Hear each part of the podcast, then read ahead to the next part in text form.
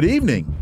Welcome to the Critical Hour. We're coming to you from the capital of the United States of America, Washington, D.C., here on Radio Sputnik. I'm your host, political scientist, author, and nationally syndicated columnist Dr. Wilmer Leon, joined here by my co host, political analyst Garland Nixon. Thank you, Wilmer. For the next two hours, we will explore and analyze the salient news stories that are impacting the global village in which we live.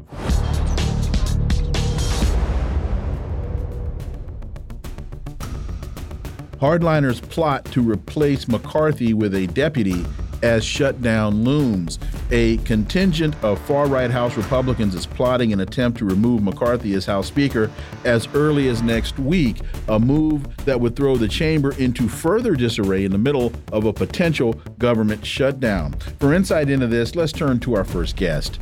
It's Friday, so we're going to start the show the way we always do. He's an independent journalist, political analyst, writer, author, and reporter for RT, Caleb Maupin. As always, Caleb, welcome back. Sure, glad to be here as always. So, Caleb, we have the UAW strike. The writer strike was just settled. We're into the 2024 presidential election process. There's a lot of chaos that is surrounding us. What's the political upside here for a potential government shutdown? I don't think there is one. And honestly, this is not a, a, good aspect of American politics. I believe the first time this was done was during the 1990s. Um, Newt Gingrich and the mm-hmm. you know mm-hmm. contract for America. Uh, they they shut down the government. Well, I thought I thought there was a contract on America. I thought he put a contract out on. I'm sorry, my my bad. I, I, I misread it. Go ahead. But but yeah, I mean that was the uh, you know it's it's this tactic, and it's mainly been used as a vehicle for demanding austerity, uh, mm-hmm. demanding cuts in spending. Mm-hmm. Um, you know, if you don't give us the cuts in social spending we want, we will shut down the government, and it kind of reveals a dysfunctionality on the part of our uh, political system that we can't. You know, I mean it, it this doesn't happen in other countries. Um, I will say that you know many people have pointed out that in the Chinese press uh, every time the government shuts down in the United States, there is just kind of awe in the Chinese press. Like, how can this happen? Um, because in China, you know, the state kind of runs the economy, and if the Chinese government were to shut down, uh, you know, China would, you know, there'd be utter chaos because the economy centers around the government. Uh, and you know, there's kind of people around the world look at the government shutdowns when they occur, and they're like, "How are you doing this? How how is this happening?" But at the same time, you know, uh, the actual nature of these government shutdowns reveals that they're not really government shutdowns, right? The essential services continue. Uh, you know, I mean, it, it, it's not like the you know the electricity goes off, and and you know, it, it's just a political technique that can be used, and it kind of speaks to the overall dysfunctionality of of our system. The fact that that this has been a a weapon that can be used. Now, it's primarily been used by Republicans. I know there was some talk of maybe Democrats might use it at some point against Trump or something like that, but it's primarily a Republican vehicle. And honestly, I mean, if you look at Donald Trump and his recent speech to the auto workers and such, eh, this isn't, it's not going to help Republicans and, and the image they're trying to go for to do this. So my, my thinking is strategically, Republicans should not shut down the government. Yeah, but Caleb, I would think ultimately what we usually get is the Republicans get cuts to social spending, and the neoliberal Democrats say, "Oh darn, they forced us to cut. We really didn't want to cut social spending, but we had no choice. Those far, far right MAGA crazies forced us to. Where do I sign again? Right here. Okay, forced us to do this." And, and to that point, Garland, what Joe Biden has done in the past is he will come and say, well, they wanted to cut 60%, and we negotiated on 40%. So look what I saved you. Uh, what was the thing that Obama did in that in that August where he said if we don't come to a deal, we've got these massive cuts. There was a name for it and they didn't, and the massive cuts just came. There was a name for that. Obama uh, had to deal with the Republicans, and it was if we don't come to a deal by a certain time, we have these draconian cuts. And everybody said, you know, the Republicans are never going to give you a deal now, so they can get those cuts. At any rate, I'll remember it. Go ahead, uh, Caleb. Yeah. I mean, it is just a sign of dysfunctionality on the part of our system, and it's mainly an austerity weapon to cut social spending uh, it's an attack on the jobs of public employees. It's an attack on you know government services that are necessary. And uh, it's overall just, I mean, it's an embarrassment. And I certainly hope the government doesn't shut down. Uh, but if it does, uh, given the, you know, political climate, I, I see something like that being very possible. I think it very well could happen, but I certainly hope it doesn't. I'm glad that you mentioned austerity because people really need to understand that that's what's really at the heart of all of this is the elimination of or the, the great diminution of the social safety net. And conservative Democrats and Republicans are both in the in league. They they may be arguing over percentage points, but the objective is still the same. Your thoughts on what does this say or do to Kevin McCarthy? Well, Kevin McCarthy is in an interesting position because, you know, he's somebody who is trying to hold the Republican Party together when you have the MAGA wing and you have the neoconservative standard Republicans. And he's in an odd position. And, you know, I think his recent move around Zelensky and not giving Zelensky a platform indicates that, you know, that there's more in common with the MAGA side than you would think. Uh, but that said, he's in an odd position where, I mean, the rank and file of the Republican Party is clearly in the MAGA camp, is clearly supporting Donald Trump, is clearly anti establishment and in a populist mode. But the Republican Party has been the party of neoliberalism. It's been the party of the Bushes.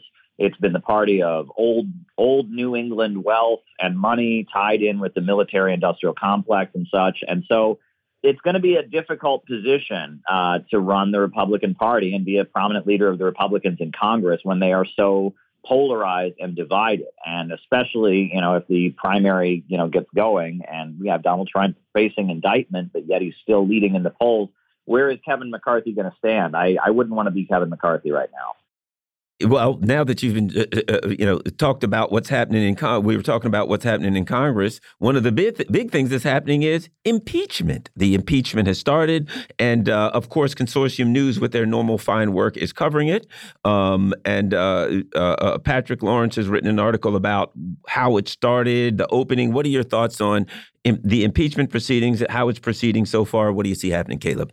Well, I watched some of the hearings yesterday, and I must say that, you know, while they've had a, a lot of very, very strong evidence of malfeasance on the part of Hunter Biden, and the talking point of the Democrats that, well, this is Hunter who did it. It has nothing to do with his dad was actually very weak. I mean, you know, I mean, there's there's conversations where he directly references the big guy, where Biden's on speakerphone, and, and it was a pretty weak talking point. That said, if one listened to the hearings, even among many Republicans, there was not a desire to proceed with with a, impeaching Biden. I mean, I, I mean, it seems like while that's probably what majority Republicans want uh, I, I just I didn't see the will for it when I listened to those hearings. When I listened to the members of, of Congress, what I heard was a desire to embarrass Joe Biden and make the case that he's corrupt and highlight the corrupt dealings of Hunter Biden. That's what I heard, and that's what I think is going to come out of this. I don't see actual impeachment proceedings happening. You know, when you look at the um, the FD 1023, the the FBI form, and, and you read, it's, it's only four pages It's really is like three pages and two sentences on a fourth page. Uh, so it's not that long or difficult to read. There seems to be in that document enough information. I'm trying to choose my words very carefully, warranting further FBI investigation that does not seem to have ever taken place. So what I have discerned from this whole impeachment thing is that all they're really trying, all the Republicans are really trying to do, which which is I think the point you were making, Caleb, is they're trying to smear with allegation and association. They're not really trying to venture down this rabbit hole because they may actually find some rabbits and the rabbits are going to be at the Hoover Building for starters, uh, hopping Caleb, around. Caleb.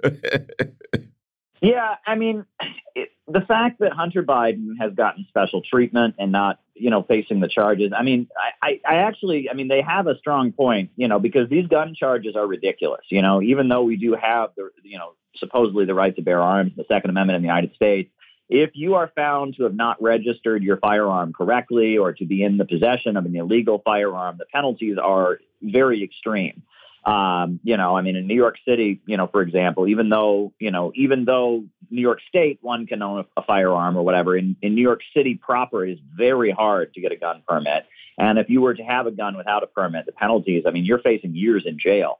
Uh, and you know the fact that Hunter Biden uh, would, you know, on some, you know, I, I, mean, it appears that he fraudulently applied for a firearm, which is a very serious crime, right? If you apply for a gun permit and do so presenting false information, that is a very, very serious crime. And in fact, I remember when the uh, the activist Carlos Montes uh, from California, his home was raided by the FBI. They searched his entire home and they found his legally registered gun uh, and then they went and looked back at the forms through which he had, you know, registered, and they they argued some kind of technicality about those forms.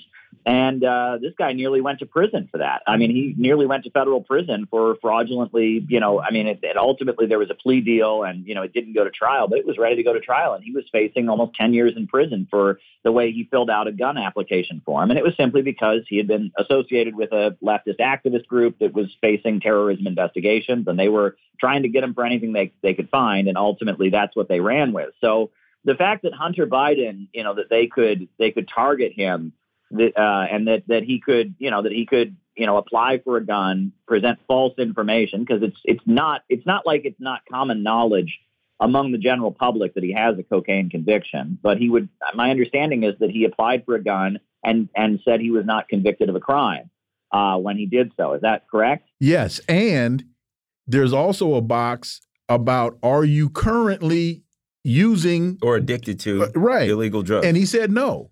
Go ahead. Uh, well, let me throw this. Oh, and the way they got him was in his book.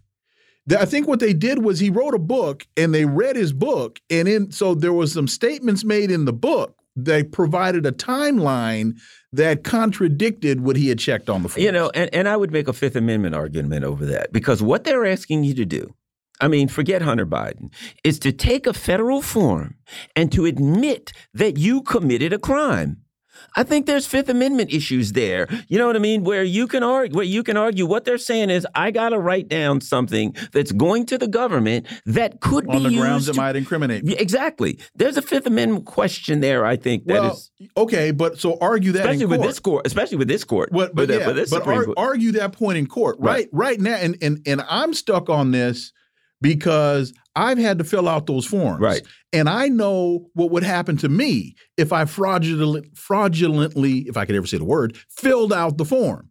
So and uh, you can, can you can give him the Fifth Amendment all you want to, and he can argue that in court. But I know what would happen to me if I did what he did. If and this is the part of it that's important, Caleb. If you are of the right political context, they won't touch you.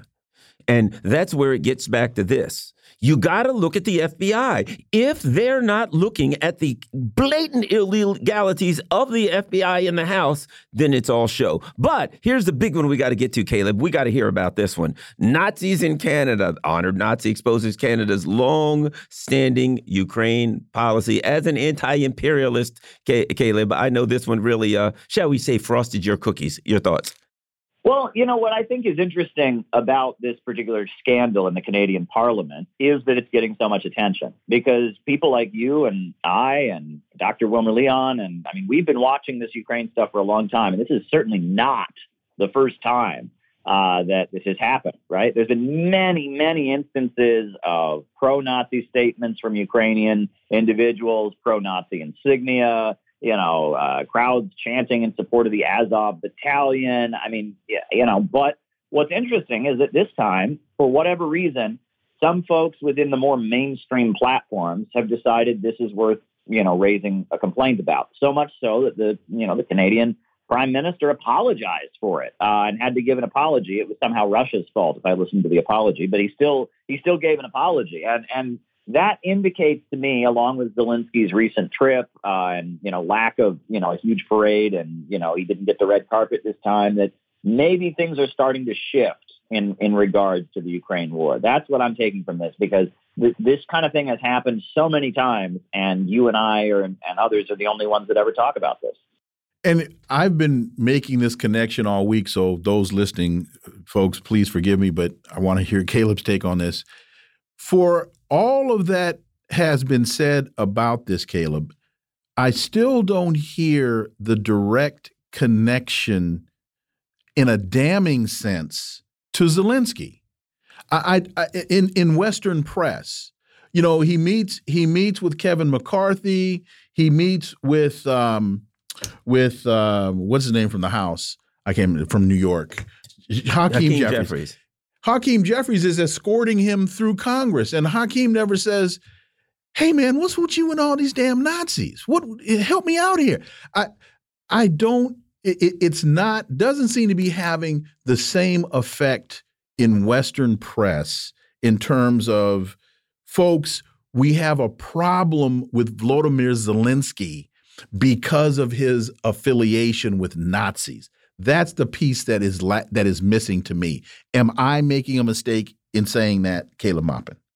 No, you're not making a mistake in saying that. And that, I mean, as much as there has been coverage of this, you are correct in that Zelensky still still seems to be untouchable. He still seems to kind of have a pass uh, from the mainstream press. Attacking Zelensky is not something one is permitted to do. And it's weird because the whole reason this happened is because Zelensky brought the guy with him. I mean, if Zelensky hadn't brought the guy with him, uh, the whole thing never would have taken place. So if anyone is to blame, it's Zelensky, and they're leaving his name out of the scandal. Do you think part of why they're not tarring him with this brush is because if you start doing that in the United States, you then have to investigate the United States affiliation with with the Third Reich.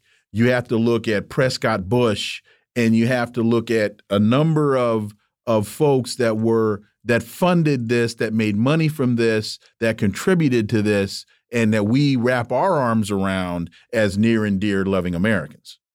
Well, that, and I, I think there's also the fact that what made this guy in, unique is that he actually fought in the Second World War on the side of the Nazis, whereas there are many organizations, there are many individuals who, after World War II, turned to the United States side, et cetera. But this is an actual person who was actually a combatant on the side of the Nazis.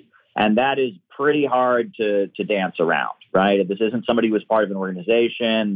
This isn't somebody who, you know, who, you know, you know, tore down a monument or, or, you know, honors different historical figures. This is somebody who actually was there on the wrong side in World War II. And that's pretty hard to, to change the subject around. I mean, he was an actual Nazi combatant. And I think that's the issue. Well, uh, I know that Prescott Bush's a lot, uh, at companies' assets were seized under the Trading with the Enemy Act. So he was he was right in the mix in 1942.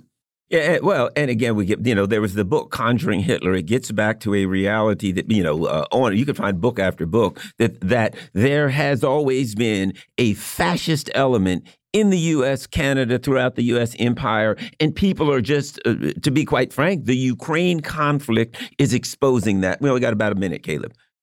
Sure. I mean, if you go watch and if you go back and watch that racist movie, uh, The Birth of a Nation, what is the word that's used for white people in the film and the subtitles? You watch it. The word is Aryan. You know, that was made long before the Nazis had ever come to power. That was, you know, 1914, I think that film came out, and they were already, you know, U.S. propaganda. The first full length movie in Hollywood history uh, was talking about the Aryan race. Caleb Maupin, as always, thank you so much for your time. We greatly, greatly appreciate that analysis as always. Have a wonderful weekend, and we look forward to having you back. Absolutely. Sure thing. Folks, you're listening to the Critical Hour on Radio Sputnik. I'm Wilmer Leon. I'm joined here by my co host, Garland Nixon. There's more on the other side. Stay tuned.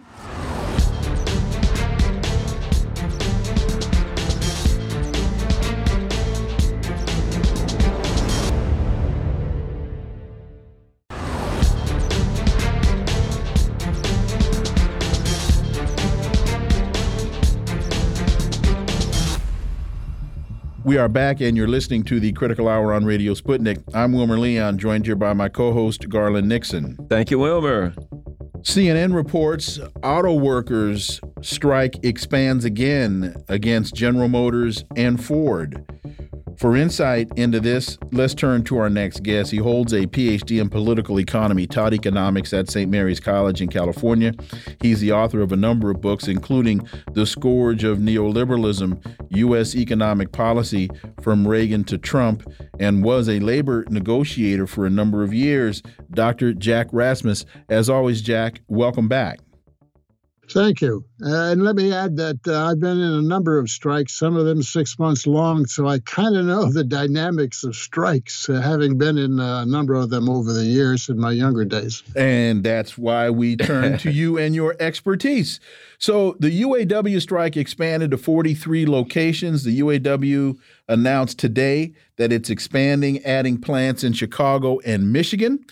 Uh, Jack, some union critics have claimed that the big pay raises that, and I put that in quotes, that labor is seeking would contribute even more to inflation because companies would have to raise prices to make up for higher salaries. Goldman Sachs says that instead that the pay may be merely catching up to inflation as unions renegotiate their contracts for the first time during the past couple years. First of all, Jack, the expansion of the strike. I think that this is that they're trying to impose death by a thousand cuts instead of what I think they should have done had a general strike right off the top. Dr. Jack Rasmus.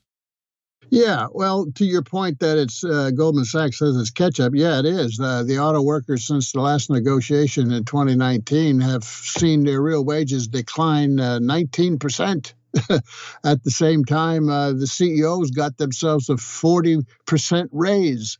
So, you know, that's uh, sort of the stakes in the ground here.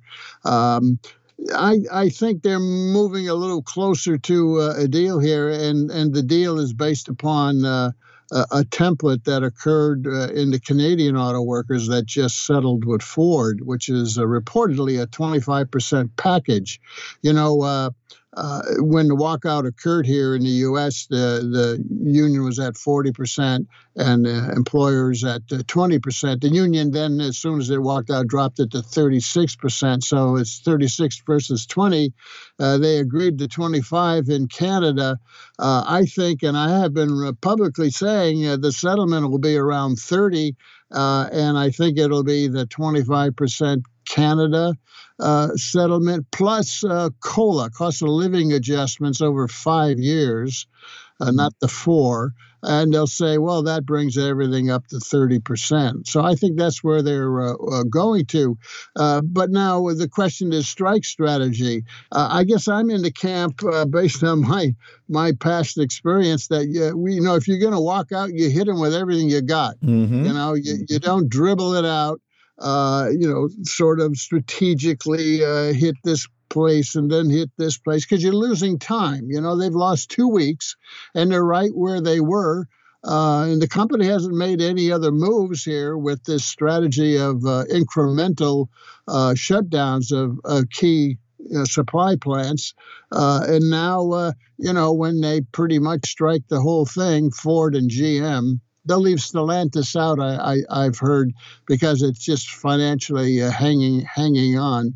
Um, you know, they're right back where they, in my opinion, they should have been when they walked out. Uh, you know, uh, my experience with strikes is, uh, boy, when you hit that uh, four week mark and the bills start coming in for the workers, you know, their mortgage, their car payment, and everything, that's kind of a, a, a crunch time. If you can get past that, uh, then you can probably go two months. Uh, but if it's longer than two months, it, it gets very difficult uh, to continue a strike because uh, people are really, really hurting. Uh, and if you're at four months, you know, like like the poor writers were, well, you know, you better just uh, take what you got on the table because it's pretty hard to go beyond four months. That, that's kind of the dynamics of strikes. You know, and on the company side, it gets uh, depending on what kind of inventories they have, it gets pretty rough too after four week mark. So the, my point is, the UAW lost two weeks, in my opinion. Here, you know, now they're going to be pretty much striking the whole thing if they expand it to 43 plants, and they should have done that uh, in the get go, in my opinion. And it, here's uh, just to add a an additional point to that a lot of people hearing the UAW is going out on strike, they see that as the beginning of the process. But what they need to understand is they've been in negotiations for a long period of time to no avail. The strike is labor using basically the greatest leverage that it has because management has failed to agree to the terms that they have been negotiating for weeks, if not months. So by the time you get to, oh, we need to strike, you've already shot a lot of your ammunition. You need to go hard because management has left you no choice. Yeah, it's pretty clear. You know, uh, unions uh, and workers don't go on strike, uh, you know, just for the hell of it. Uh, as you say, it's, uh, you know, the last resort uh, because strikes are not fun. Strikes are, are hardship. And, you know, uh, usually workers are always, you know, they're that's the last thing they want to do, and if they do it, it's it's a sign that they're, you know, they they they just can't take it anymore. Uh, you made a comment at the beginning that uh, I think it, it, needs some some. Uh, comment on, and that is uh, the cost of the labor cost in, in uh, the cost of a car. Oh no no wait a minute wait a minute wait a minute no what I, what I said was that union critics have claimed that pay that big pay raises would contribute to inflation because companies would have to raise prices to make up for salaries. That's that's what I said. But I was I was giving the commentary of some critics. Go ahead. Yeah, yeah. Okay. Yeah, that that's very co common. Uh, you know, the the company side uh, propaganda is always, oh well, you know, if we give you wage increases, we're just going to have to pass it on to the consumer. You know, and they kind of you know make a point there with the public uh, against the union. Uh, well, the fact is that uh, according to industry analysts uh, publicly stated on Bloomberg News, uh, the cost of labor uh, in in the cost of a car is only ten percent. Mm. You know, so really? it's only ten percent labor cost in the total cost of, of, of building an automobile. So uh, you know, I mean, if the if if the companies want to hike their prices and uh, blame the union, uh, well, they can do that. They always do do that, uh, but it's not true. Let me ask you this, politically speaking, um, the, the, political end of it, we had Joe Biden go to wander around on the, uh, and um, I mean, I guess he went to, the, I always say wander around with Joe Biden because he never really seems that he knows where he is, but he went to the strikers spot and you know the picket line. Then we had Trump who talked, and what Trump's position was: you're wasting your time because they're going to build electric cars, and all your jobs are going to be gone anyway. So, your thoughts on the political end of it? Biden going there, did he make any hay? Um, Trump going to a non-union shop and then arguing, hey, "You're wasting your time, man. Your jobs are all out of here. They're going to make electric cars." Your thoughts on their positions and how you think that'll play out? Yeah, well, the politicians of both wings of the corporate party of America, aka Democrats Republicans, are pandering to the workers, right? And their vote, because a lot of these workers in UAW are in swing states. You know, it's pretty important. Uh, so, you know, Joe Biden goes out and he talks the talk, uh, but uh, won't walk the walk. I mean, Joe Biden is sitting on uh, tens of billions of dollars of direct subsidies to these corporations to build these EV plants, right? Uh, he could use that as leverage to bring them to the table, you know, but you bet you won't do it. Uh, so talk the talk and don't walk. Uh, go sit down in your basement. Uh, and as far as Trump is concerned, uh, you know, uh, there's a little bit of truth to what he says because the, the companies uh, plan, uh, you know, they're getting these big subsidies from the government to build these EV plants, electric vehicle plants, and electric vehicles just don't need the parts. Uh, and that means you don't need as many workers. So, over the five year, too long of a term of a collective bargain agreement, um, the company is going to lay people off you know, it will initially hire people in these plants, uh, but then it will start laying them off in the third, fourth, and fifth fifth year as they see it won't won't be necessary, uh, and the companies, uh, as a result, will take back some of the 25 or 30 percent pay package uh, that they pay out. You know, they'll save the labor cost on, on the back end of this whole thing. That's why they like five year agreements, right? Also, if the union does not get rid of the two tier wage structure, uh, the same takebacks uh, will occur because as the older workers on the first tier, uh, you know, retire and leave, the company will hire people on the lower tier at a lower wage and they'll save themselves money that way. So it won't be a 30% waging uh, package here. Um, but that, you know, I mean, the, the union can't be too concerned about that right now. They got to get what they can uh, for their members, the best deal that they can, uh, and fight that fight later. But I'll tell you, uh, I don't like the fact that now it's the norm to go five years in a labor agreement.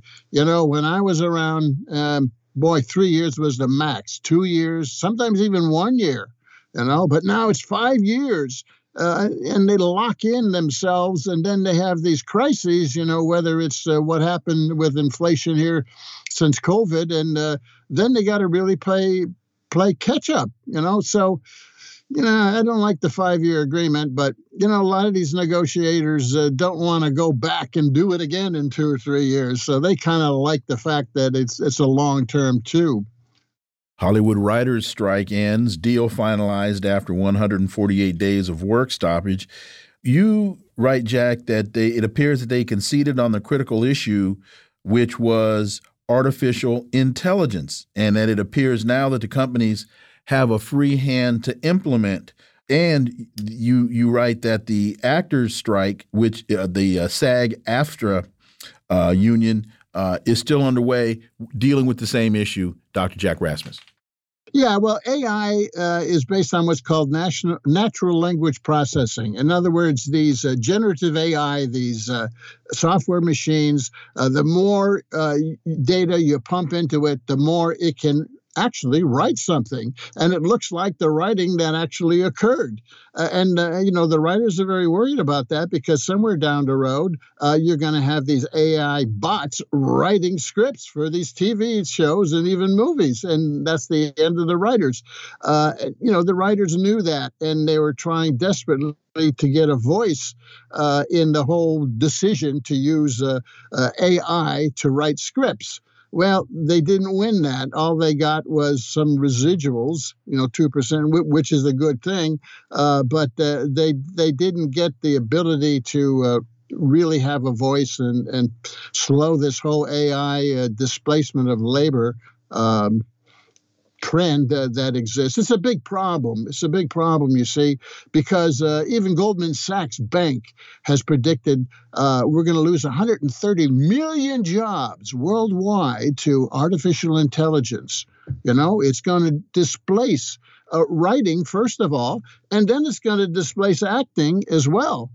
Now, you know, the writers fought the good fight. I mean, you can't blame them uh, they didn't uh, cave in. It wasn't the sellout. You know, when you're out for four months, uh, it's really tough you know so sometimes uh, you got to just uh, take what's on the table and come back and fight another day and i think that's what's what's happened here but the bottom line is uh, they're going to lose jobs this ai thing has left the station and it's and it's really dangerous as far as the impact on labor um, and we'll see whether the, the, the actors, which is much a, much larger union, I think there's like hundred thousand actors, uh, and it's all the other jobs in in a movie. You know, it's all all the back. Uh, uh, stage jobs. It's not just the actors here in SAG-AFTRA.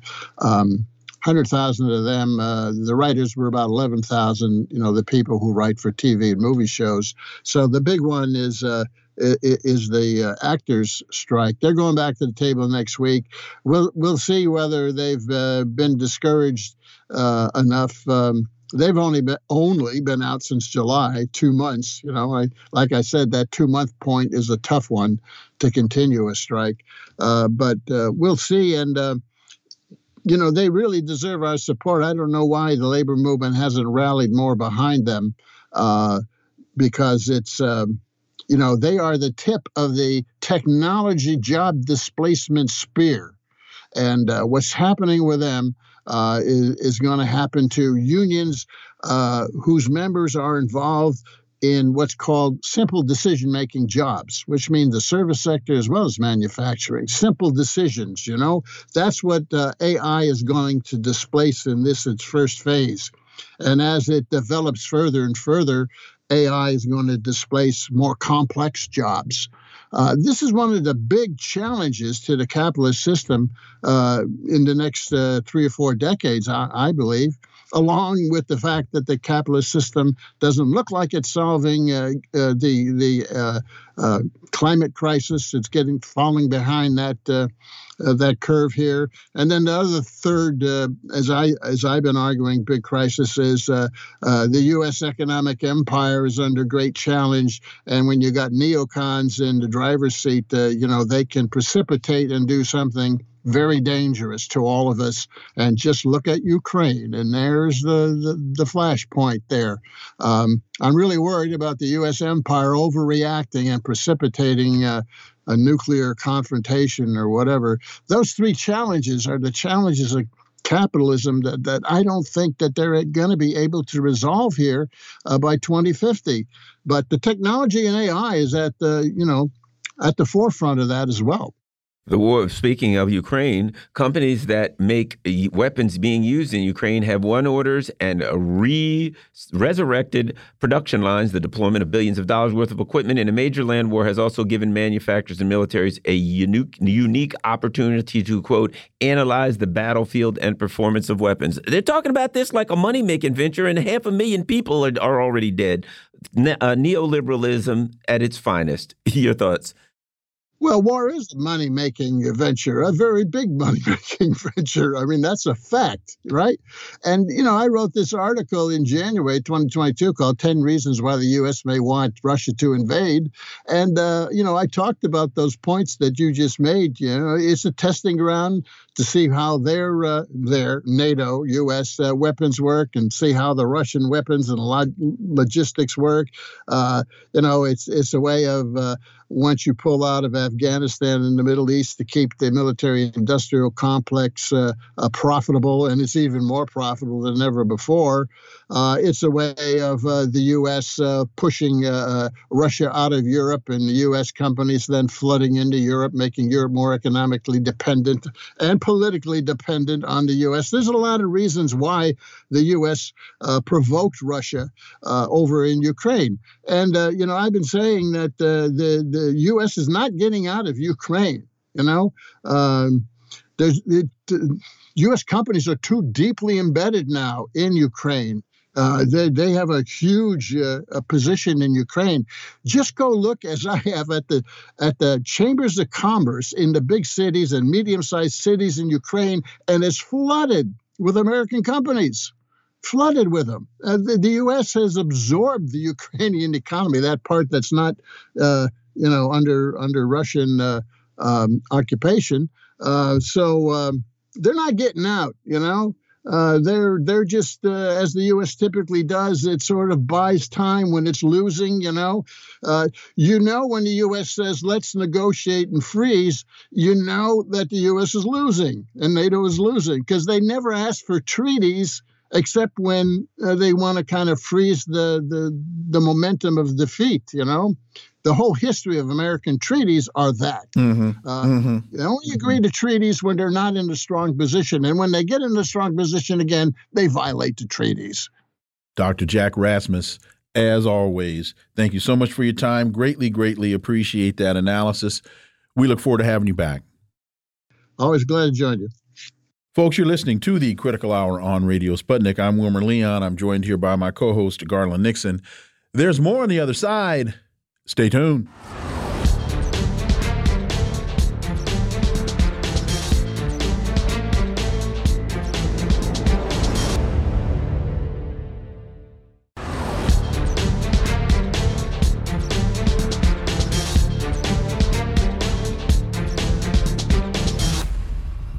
We are back, and you're listening to the Critical Hour on Radio Sputnik. I'm Wilmer Leon, joined here by my co host, Garland Nixon. Thank you, Wilmer. Barron's reports Blinken says China wants to be dominant power in the world. China is seeking to surpass the United States as the top power in the world, according to U.S. Secretary Tony Blinken. He said this Thursday as he again was warning about Taiwan.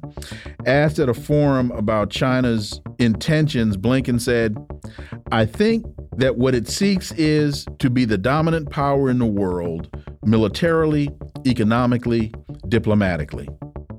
What does Blinken's perspective say about the U.S. worldview and the danger of its response to it? For insight, let's turn to our next guest. He's a scholar and activist and is an expert on W.E.B. Du Bois, one of the most cited Du Bois scholars in the world. He's an organizer with the Philadelphia Saturday Free School, Dr. Anthony Monteiro. Dr. Monteiro, welcome back. Thank you very much. It's good to be with you. So Blinken says, I think if you look and listen to Chinese leaders, they are seeking to recover what they believe is their rightful place in the world. Blinken has previously spoken in more indirect terms about China aspiring to reshape the international order. Dr. Monteiro, you, judge a man, or in this case, a country, not by what it says, by but what it does. When I listen to President Xi, I hear him talking about balance, equity, sovereignty, and fairness. When I look at what China is doing, they appear to be engaging in developing relationships based on these principles. When I listen to Biden, I hear saber rattling and jingoism. When I look at the U.S., I see sanctions, militarism, imperialism, and a failing empire. Your thoughts, Dr. Monteiro? Well, you know, I can't add to anything you just said. I mean, and this has been the playbook of the Biden administration uh, since the day he was inaugurated. Uh, his election uh, was uh, uh, in part uh, to con- he was elected to contain China, and that means, as you say, saber rattling and and all the rest. And of course, Nancy Pelosi going to Taiwan and followed by others in uh, the Democratic and Republican parties and in the ruling elite. Uh, all of this is a continuation of a logic of containment, uh, and it carries with it the threats of war, including nuclear war with China. And I think at the end of the day, uh, we have to uh, face some inconvenient truths. I'm talking about we as the progressive part of the American public. And that inconvenient truth is that whatever it requires, the Biden administration must be defeated in the 2024 election. We're not going to talk them out of this. Uh, they are committed to this, and they must be driven from office uh, as soon as possible. You know, one of the things I think that's interesting is the very last sentence where Tony Blinken says, We want, everyone wants peace and stability, and everyone wants the status quo to be preserved. And what I see when that is, everyone doesn't include the people in Africa, the Muslim world, Latin America. It's kind of like at the beginning of the Ukraine conflict when Biden said, The entire world's behind us. And I'm like, None of the brown or yellow people are down with that. So again, we see these people speak of the world that doesn't include brown or black or yellow or Muslim people. Your thoughts, Dr. Monteiro? Well, well, wait a minute, but wait a minute, but but but also, everyone wants peace and stability. Everyone wants the status quo. Well, Ukraine is ongoing. Does status quo involve continuance there? Is that peace and is that stable? I mean, I can, I can, we can pick a number of places where the U.S. is behind or directly in front of conflict and instability. And Tony seems to be, Tony Blinken seems to be calling that status quo. The entire sentence is trash. Uh, Dr. Monteiro. Oh, yeah. Well, first of all, uh, Anthony Blinken, um, he's a child, he's a child trying to play a grown person's game. He's out of his element. He's in deep water and he doesn't know how to swim. And um, he thinks, and the U.S. ruling elite believes that their position in the world is what it was uh, maybe 10 years ago. Uh, but has he forgotten that in August, uh, the BRICS nations met in um, in Johannesburg, and became, as a result of that, BRICS plus six, uh, and is expanding as we speak. Uh, also in August in New Delhi, again, a nation of people of color, uh, there was the G20 meeting, and the U.S. and its policies were totally crushed. They were isolated. The world has changed. Uh, if they think they can contain China, they have another thought coming.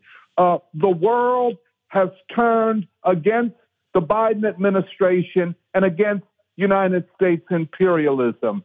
Uh, I don't know where they go from here, but we have, we the American people, we the progressives have something to say about it. We have to get these warmongers out of office, at least the Biden administration. They have to be defeated.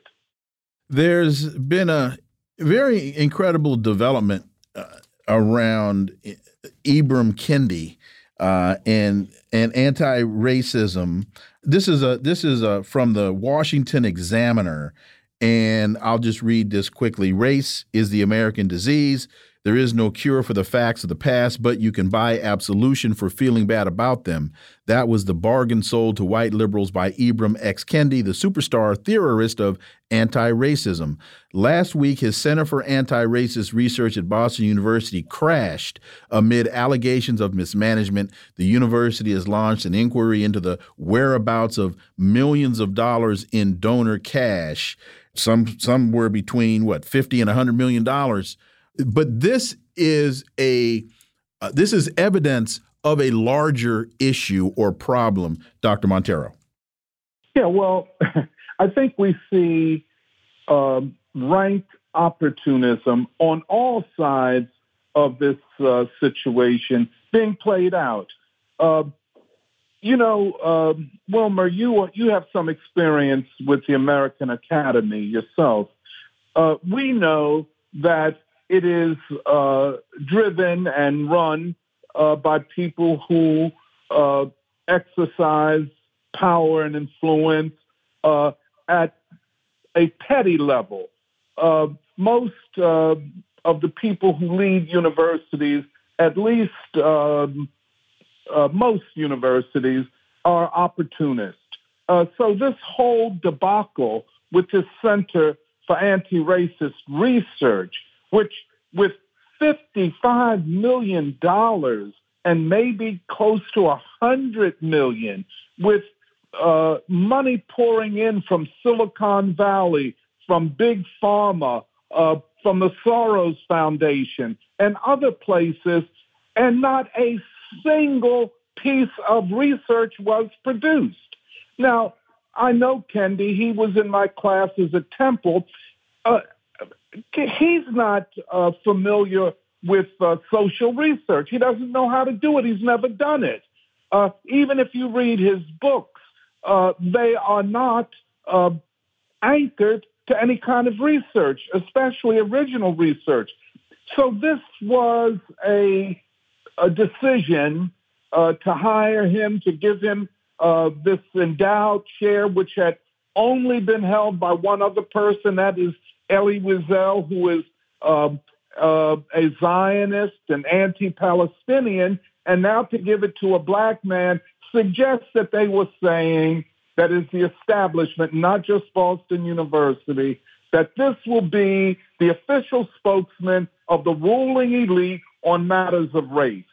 You read his work. For, for example, what is racism? Raci- a racist is a person who supports racist policies. What is an anti-racist? An anti-racist is a person that supports anti-racist policies.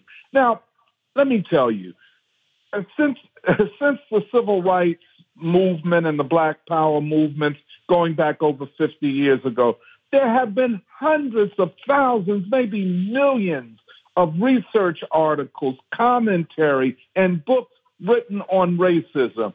Nothing as insane as this has ever been said, nor the idea that he says in his book, How to Be an Anti Racist, that uh, black people without power, even though they are the victims of racial oppression, are themselves racist. Um, and even suggest that uh, people like King or Frederick Douglass themselves could be racist. No, the whole thing was a grift it was a scam, uh, and it shows just where the universities, the elite universities of this country are. Uh, and uh, it was a sad joke upon the American people who, in their majority, I believe, and certainly black folks, are seeking answers to the racial history of the United States. And to put this guy up as representing uh, that uh, is a joke and a fraud. You know, having applied for some of that type of money, not those numbers before, um, and been being rejected and seeing the people who who did receive the the, the, the grants it doesn't surprise me based on his content that they chose him to give him all of that money because that's exactly what they want to hear. And they probably read that and said yeah that prattle is perfect. We'll get that out there. You know that's it, it, that's what the neoliberals that's the kind of inane argument that they want to hear something non-substantive. And to that point garland and and and, and tony what one of the things that you just read about african americans being able to be racist he's arguing against systemic racism. Right and the argument against systemic racism means America, in its very essence, cannot or is not racist. And that's exactly what the elite want to promote in the country. Yeah. And, um, and you know, I, I wrote an article uh, when his book first came out in the Black Agenda Report. And I said the guy is, a, is an invention at a time with a ruling elite, and we cannot uh, separate the ruling elite from this whole thing. You don't get that kind of money mm-hmm. unless you have been cleared by uh, the ruling elite or strategic thinkers. Well, uh, I said the guy's an invention. He is needed to play that role for the ruling class at the time that you had this anger, and I think it continues about police brutality and the killing of uh, George Floyd. I mean, this is rank opportunism on all sides. And I'm just surprised that more of us did not see this for what it was when it was happening and that this debacle was inevitable. Uh, now, let me tell you, you know, uh, Garland, you mentioned applying for grants. There are real scholars doing real research in universities and other places that take years to write a grant for $20,000 and pray that they will get it. And they and often they don't get it. And often great research projects don't get done. For example, on gentrification, on the the re-racialization of the cities, of uh, of questions of racism, systemic and structural racism in healthcare, in prisons, in the criminal justice system. But none of that, none of those often get funded. But here you get $50 million and more for nothing, but for a guy to walk around and be a celebrity produced by the ruling class and then to give him a MacArthur Genius Award, my God. For what? To be the mouthpiece of the ruling elite. Let me tell you something. This, we cannot separate this debacle from what is coming up in 2024. I am convinced that the Democrats who are losing the support of black people and especially young black people needed someone that looked like Kendi, that talked like Kendi, to uh, to get and and talk to the young cohort of African Americans who are turned off to most institutions of American society. Well, they don't have him they're going to have to create something something new to fill his shoes. So they they invested 50 million into it. Why did they turn on it?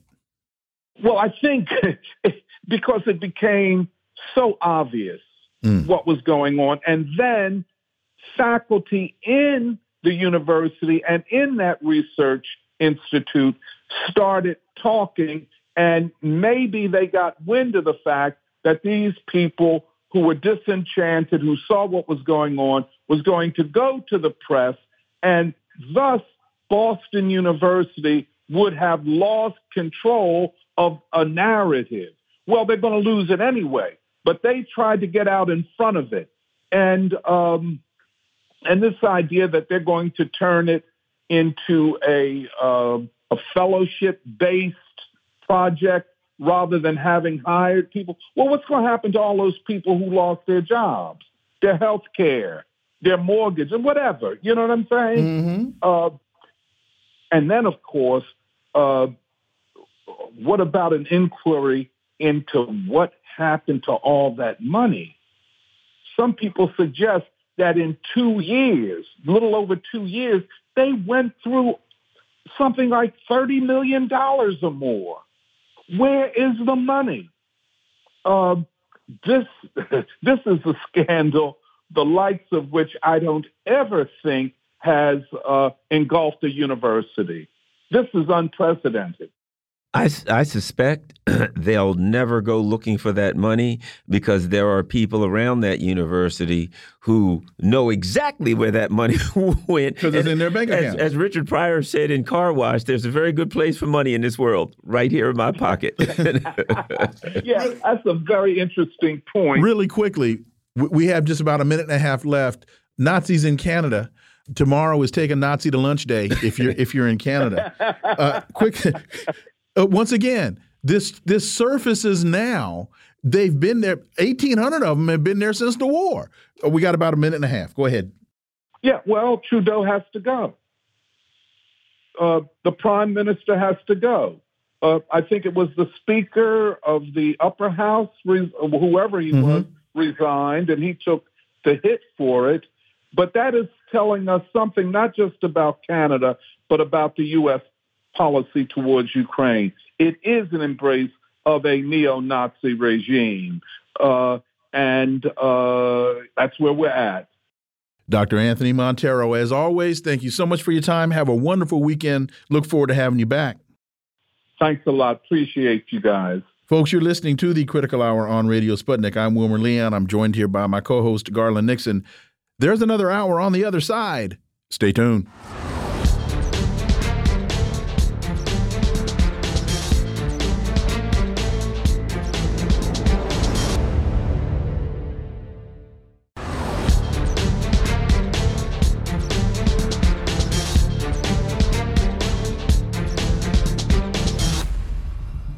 We are back, and you're listening to the Critical Hour on Radio Sputnik. I'm Wilmer Leon, joined here by my co host, Garland Nixon. Thank you, Wilmer.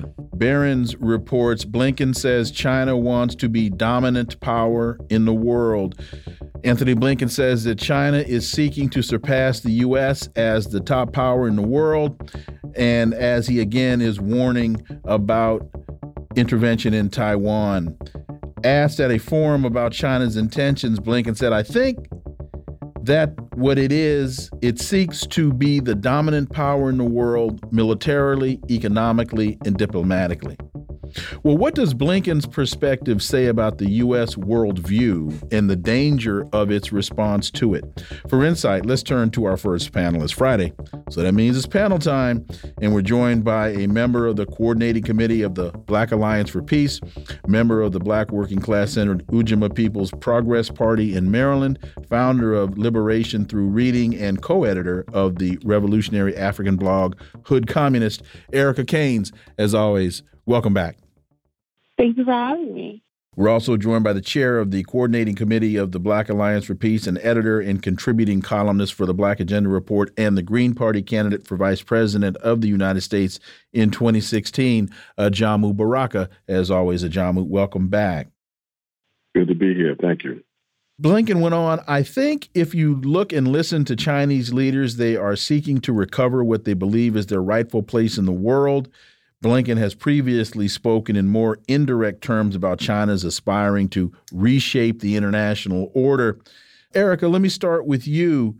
When I listen to President Xi, for example, I hear him talking about balance, equity, sovereignty, and fairness.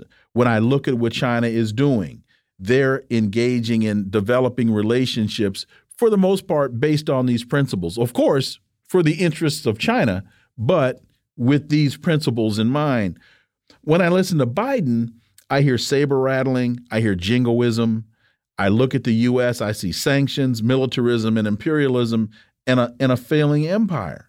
So, Erica, your thoughts on Blinken says China wants to be a dominant power in the world? Yeah, well, the fear mongering and, and xenophobia around China, encouraged by the propaganda from the State Department, is yet another reiteration of Western powers continuing to heat up um, their new Cold War on China. So, Blinken stating that China thinks um, to be the dominant power in the world, militarily, economically, and di- diplomatically, is nothing more than projection, um, because it is indeed what the U.S. is intending to do, as evident um, in its continued efforts to expand its hegemony. But the IMF has predicted that 60% of the growth in the global economy next year will take place in China on an economic fact, which will greatly accelerate the weakening of the U.S. and thus bring the end of the unipolar moment um, the world has been experiencing. So, maintaining state control of the economy and energy and land and transportation and natural resources, um, even finance, all of this is how the People's Republic of China has been able to ascend to the top of the economic ladder as a top innovator. And then this is the actual threat that China is posing. Um, so, as mentioned, Blinken uh, spoke about the indirect terms, uh, well, in indirect terms, about China aspiring to reshape the international order. What they're really talking about is the reality of the formations of um, institutions like BRICS and the Shanghai Cooperation Organization and the infrastructure projects like the Belt and Road Initiative um, and all of these things that are offering cooperative pathways to economic integration and developing and development, excuse me. And it's a multipolar world and the prospect of it, which is essential to the continuation of the struggle for self-determination um, of nations in China that is currently centered in. And that is what the fair that and that is what Blinken is speaking to. They are really afraid of the prospects. Ajamu Baraka, your thoughts. I think that um, uh, I think Erica captures the it captures it completely. That it is a, a, a projection. It is a reflection of the anxiety that uh, the U.S. and indeed the Western nations have as a consequence of the of the development of, of, of China and the threat that it poses. And let's be clear about the threat. The threat isn't a some kind of aggressive move on the part of the Chinese to uh, attempt to contain or to dominate the U.S. or Western Europe. The threat is that the Chinese um, are, are making it very difficult for the U.S. and the Western powers to be able to dominate the world in the way that they have been used to. And that they perceive as a threat because they are, quite frankly, committed not to cooperation, uh, uh not to a mutual understanding, understandings among equal partners, but they are uh, uh, absolutely committed to the, the concept of domination. It's reflected in their in their documents, their national security uh, documents, and their national security strategy specifically, where they say that they are committed to the concept of full spectrum dominance. We have we have there's no evidence of the Chinese ever making that kind of declaration um, ever. So this is a a a, a, a projection on the part of the fears of the U.S. Um, and it's something that we have to be concerned with because, as I've argued consistently, there's a kind of, of, of psychopathology when it comes to the white supremacist mentality. Uh, they appear to operate in a, almost a parallel universe. And because of their the, the decline of their global power, they seem to be prepared to to take desperate measures to try to uh, reverse what many of us see as the in, inevitability of their decline by using military force. So it's a very dangerous uh, mindset that all of us have to be concerned with because, of course, these uh, forces have the ability to basically destroy the planet in a nuclear holocaust. Something I find interesting at the end of this article. I think the message that China is hearing increasingly from countries around the world is don't stir the pot. We want, everyone wants peace and stability, and everyone wants the status quo to be preserved. I don't think the Palestinians, I don't think the Haitians, clearly the West Africans, and I'll add this I live in Anne Arundel County. I can drive about 20 minutes to some very impoverished areas of Baltimore that have been left behind, mistreated, beaten by the police, who probably aren't real thrilled about preserving the status quo. It, it totally ignores the people of the world, the black, the brown, the red people of the world who have been abused and beaten and impoverished by the status quo. Your thoughts. Everyone wants the status quo to be preserved. Does that include you, Erica Caines? And before you respond, Erica, let me add one more thing. I don't know how you define status quo because I think we've been in a perpetual state of war for the last 22 years. So if that's the status quo, I don't know what peace and stability Tony Blinken has been drinking, Erica King. Right. And I think, I almost spoke to it, the psychopathology of it all. Um, yeah, it's madness to think that the status quo, uh, which you're correct in saying, has been a legitimate, consistent war against um, colonized people, um, particularly Africans in this nation. Uh, we're looking at cop cities popping up, not just in Atlanta, not just in Baltimore, but in the Bay Area, in Tennessee, in Newark, New Jersey. Um, we're seeing this become a thing uh, that we fundamentally have to fight against. And all of these things are a product of the pushback against the state from the austerity policies of this administration that keep um, tightening um, all of us. We're seeing SNAP benefits gone in almost uh, millions of people in cases. Uh, we're seeing uh, uh housing, uh, the houseless crisis. So to say that the status quo, um, even generally speaking here, not to mention the sanctions that the U.S. afflicts um, countless nations with, it's it's it's madness uh, Jamu, same thing to you. That status quo, it reminds me of when the uh, Ukraine conflict first started and Joe Biden said the entire world, with the exception of, you know, Most Africa and Latin America, the Middle East, it is that, to, it, basically, it says to me, the people of the global south have no say and they are not counted as human beings. There, it doesn't matter what they think. The people of the world support us, and the other things out there, I guess, in the jungle, uh, Jamu. Well, um, I think you're absolutely right. That's been a, a centerpiece of European colonial thought uh, from the very beginning.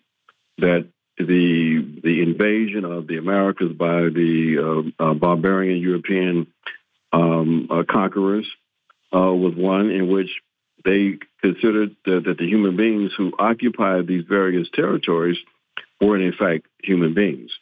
Uh, they were there to be discovered and to be conquered uh, by by Europeans, and this this kind of, of, of approach, this this dehumanization, has been at the center of the of the psychopathology of white supremacist thought.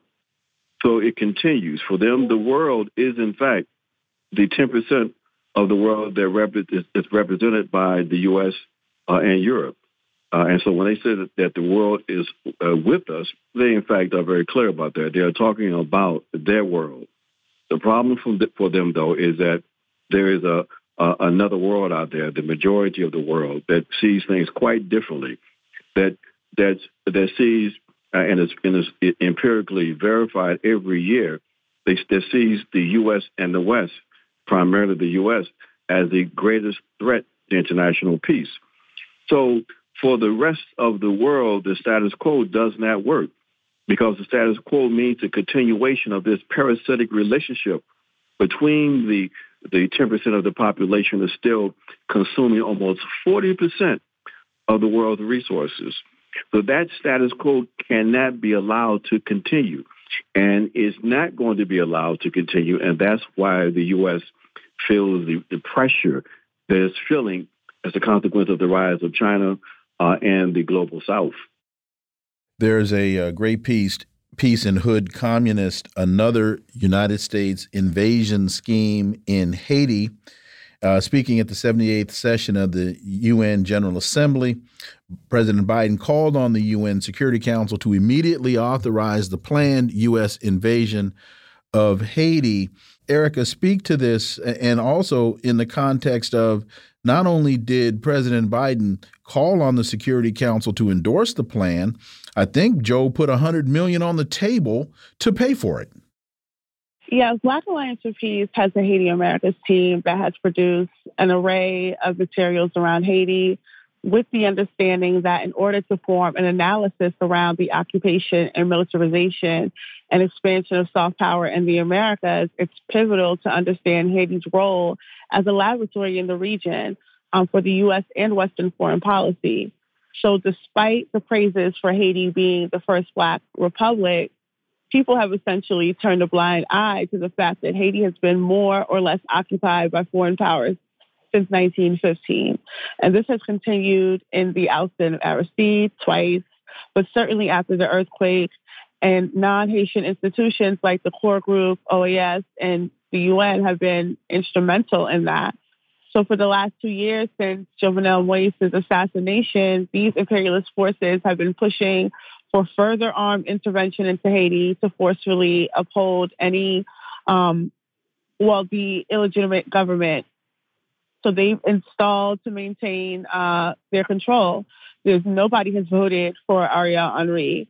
Um, he has been installed. So the goal is to continue um, denial of Haitian sovereignty. So now with Kenya, that has a strong history of anti-colonial struggle via the Land and Freedom Army, um, you know, the Mau Mau, deploying a contingent of officers to help train and assist Haitian police, and then Biden praising the initiative on and the UN um, to restore order, quote unquote, um, in the Caribbean Republic with the complete support of CARICOM. This occupation is just another just another name. Um, it's nothing more than Western imperialism in blackface. And It is being disguised as Pan Africanism. And CARICOM is giving approval to this, and many CELAC heads of state have all but ignored this, and it flies in the face of establishing the Americas as a zone of peace, which includes the militarization of the entire region. So raising the issue that what Kenya is doing is not only being hidden from the Kenyan people itself, but you know, is an unconstitutional act is pivotal in organizing for the sovereignty of Haiti. Uh, Ajamu, if I could add something to this. The leaders in Kenya better beware because, as we're seeing with ECOWAS and the Africa Union, African Union, a number of countries in Africa, Africa are becoming very wary of act, acting as puppets for the U.S. empire because of the instability at home and the concern that they may uh, soon, uh, sometime soon, face an uprising at home. And I would imagine uh, you know, though that isn't the case quite now, as independence in Africa grows, I'm just saying they better watch their backs at home. Your thoughts, Ajamu? Well, I think you're absolutely right that there's been there is a shift in consciousness, and with that shift in consciousness, that is more committed to asserting a national independence and sovereignty, and that being dependent um, on the Western powers, and that serving as vassals uh, to the Western powers uh, that is is is creating serious uh, internal political contradictions in many of these states. As you said, is not the case yet in Kenya, but I think that this intervention, this this unconstitutional intervention uh, by Kenyan forces into Haiti, is going to eventually evolve into a real political issue within Kenya, especially with the continuation of the government uh, playing a, a, reactionary role uh, throughout the politics of the Horn uh, in Africa. Uh, I think this is going to be the basis for the consolidation and expansion of a more effective opposition in that country. But again, you know, uh, to to to to echo what what uh, Erica laid out, this is a this is an ominous development for the uh, for the African nation, for the African people. We when we talk about the African people in the African nation. We're not just talking about the nations on the African continent, but the entire African diaspora, the African peoples uh, in these various states. To have this this intervention framed as some type of pan Africanist um, uh, assistance is is uh, not only ominous, it is a it is a a a, a uh, an assault on African history, uh, and so this is not going to be allowed to stand. Uh, this violent intervention into Haiti, uh, with the silence and, and support of most of the Western left, is something that none of us are ever going to to forget. We're going to continue to resist um, and and and hopefully head this off. But I think this is going to be another example of uh, to demonstrate uh, that this this dichotomy between the West and the rest of us has a racial and a class component uh, that we're not going to be able to to avoid any longer if people are serious about trying to trying to organize a real effective revolutionary change process on this planet. There's a piece in Black Agenda Report deploying Kenyan police in Haiti is unconstitutional. It's by Willie Mutunga. Uh, Kenya's decision to join a U.S. led occupation of Haiti is an example of imperialism in blackface. This is according to a former Chief Justice. The act is also a violation of Kenya's constitution. Erica, this piece is one of the first that I, that that I've seen from the Kenyan perspective challenging the U.S move in, in into Haiti. Speak to that, the fact that there's now there seems to be growing opposition in Kenya against this. And can you speak to why the United States turned to Kenya to fill this role in the first place? Or did Kenya just violent? Were they the first ones in the front row in class that raised their hands and said, "I'll gladly take your money"? Yeah, yeah. So this is a significant um, development that we have, um, you know, Kenyans on the ground speaking out um, because Kenya has been, you know, the Kenyan people have been in turmoil with their government for quite some time, uprising and such against the same police forces that are being sent to train Haitian police. Um, so the obviously having to deal with their own issues, it's really significant that they were they would take time to speak out against um, what Kenya is doing. But not only that, raise the issue of it being unconstitutional. So raising the issue on a governmental level that what the what's being done and the moves by the Kenyan government are are unlawful, essentially, not just you know and not only unlawful, but they're making unilateral decisions. And I think this speaks a lot to the moves that the Kenyan government is making, not only as being like the first ones to raise their hands, because I do believe that they were. There were a lot of names in a lot of countries uh, after that meeting with the CARICOM. Um, it was Rwanda was also thrown out, but Kenya stepped up and offered. Um, and they're obviously making deals, as you can see, with the Dominican Republic and things like that. And then uh, the U.S., I think that um, uh, what's his name went out there. Lloyd Lloyd um, Austin was out there. Yeah, Lloyd Austin was out there recently. So Kenya, the Kenyan government is being severely self-serving in this moment, and it's really significant to have people call it out um, and not call it out, but in the way that it's called out, so that people understand that there are laws that uh, the country government has to abide by, that they're just simply not, and not only just in this matter, but in matters that deal with the Kenyan people specifically as well. So making that connection between not only what the Kenyan government is intending to do in Haiti, but what they're already doing in Kenya um, is really significant, and it exposes the comprador class. Black Agenda Report. In Niger, imperialism is no match for the people's power. The people of Niger have mobilized in mass to defend their country from U.S. and French imperialist interfer interference. France got the message. How could it be missed? What's interesting, Ajamu, is initially they were like, "We're coming in. We're going to get ECOWAS. We're going to take our everything back." And the people of Niger took to the streets and made their voices heard. Your thoughts on on all of this, Ajamu Baraka? Exactly. That the the ability of of imperialism to uh, to act with impunity, to have the freedom to advance his interest working through the, the comprador classes uh, has shifted. Uh, the people um, understand, even if they don't articulate it directly, that there is a shift in power that allows for them to uh, to assert themselves, to assert their their demands, uh, to have their interests recognized uh, and, and, and advance. Uh, and so the people have said, we're not going to continue to cooperate uh, with these assaults on, on our fellow African people.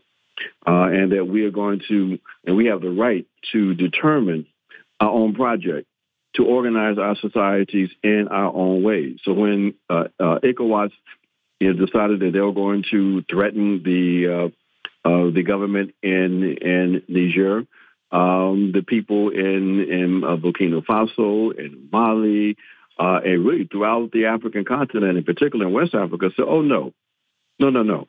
You, you know, if, if there's going to be a military assault, uh, then you're going also going to have to deal uh, with us, the African people." So these are all, you know, we, and we've been talking about this on this program for weeks. But these are all the historical changes taking place in terms of the balance of, of forces, but also in terms of the, the shift in consciousness. Um, and you know, so this is something that's that is is is is uh, historically uh, not only correct, but it's something that historically the people have been waiting for in terms of this balance of forces shift that now allows them to really assert themselves um, on the African continent. And Erica, when we look at the faces that are being put on these policies, you've you've got uh, Gregory Meeks as it relates to the malign Russian Interference Act or whatever that thing was called. You've got, I think, Hakeem Jeffries went to CARICOM before the meet the big CARICOM meeting to twist arms. I think Vice President Kamala Harris went down there. Uh, Linda Thomas Greenfield. The, I don't hear enough of us holding them accountable for being black faces on American foolishness. Yeah, well, isn't it interesting that the Black Leadership class here has such an in with the Comprador class on the continent?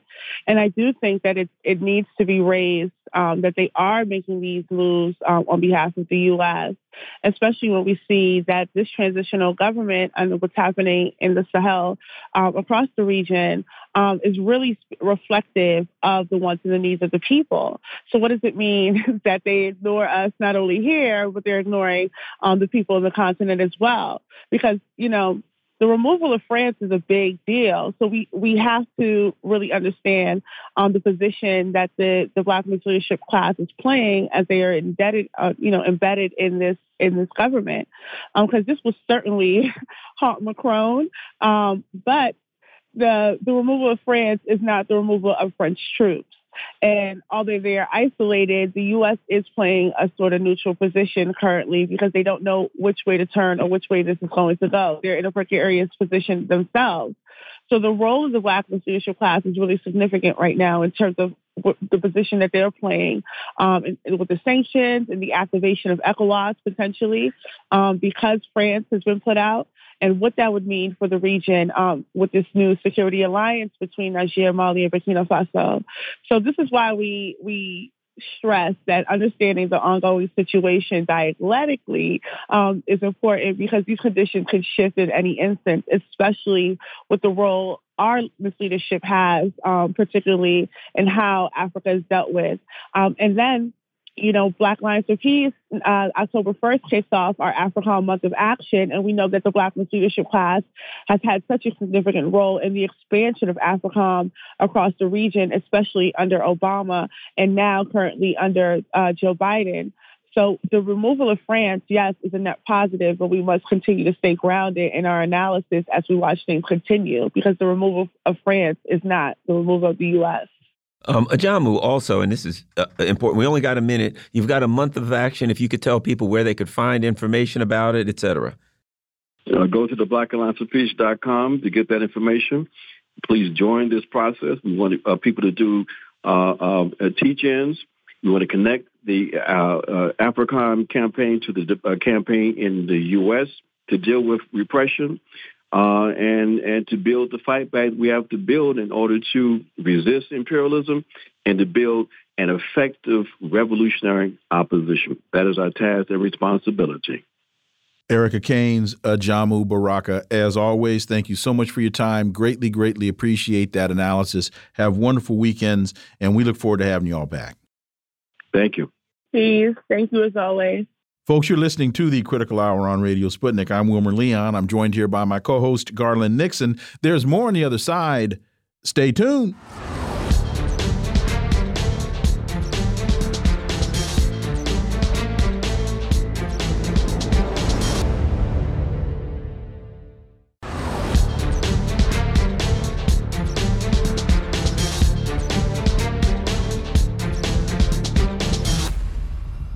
We are back, and you're listening to the Critical Hour on Radio Sputnik. I'm Wilmer Leon, joined here by my co host, Garland Nixon. Thank you, Wilmer. Honored Nazi exposes Canada's long lasting Ukraine policy.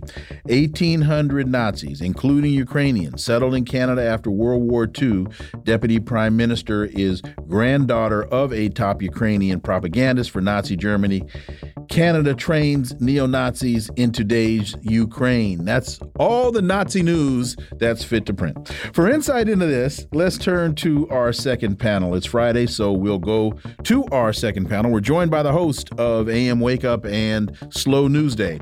Watch live on Rokfin and Rumble and listen anywhere podcasts are served. Steve Poikonen. As always, Steve, welcome back.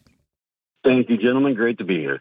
We're also joined by an independent journalist whose work can be found at Substack and thepolemicist.net, Dr. Jim Kavanagh. Jim, as always, welcome back. Pleasure to be back again. So, the Speaker of Canada's Parliament, Anthony uh, Rota, or Rada, beamed with pride after inviting Yaroslav Hunka, a former soldier in the 14th Grenadier Division of the Waffen SS Galicia, to a reception for Volodymyr Zelensky, where the Ukrainian president lobbied for more arms and financial assistance in his country in his country's war against Russia. And to say the least, Steve Poikonen, this has caused quite a row. Your thoughts, Steve Poikonen? Well, I look as as anybody who's been familiar with uh, with my show will tell you. Like we've discussed uh, Project Paperclip and the various countries which participated in the Nazi draft post World War II, and and, uh, and in a lot of cases, you know, there were scientists or there were doctors or uh, some people went on to you know direct NATO. Some people went on to uh, head NASA. Um, in Canada's case, they got a lot of people who were on the ground, um, especially you know Ukrainian citizens. It was uh, it was I guess, uh, kind of nice to see the the mask come off fully. Even when the guy was reading out, like he, he paused a little bit when he when he read who fought the Russians in World War II, blah blah blah blah hero.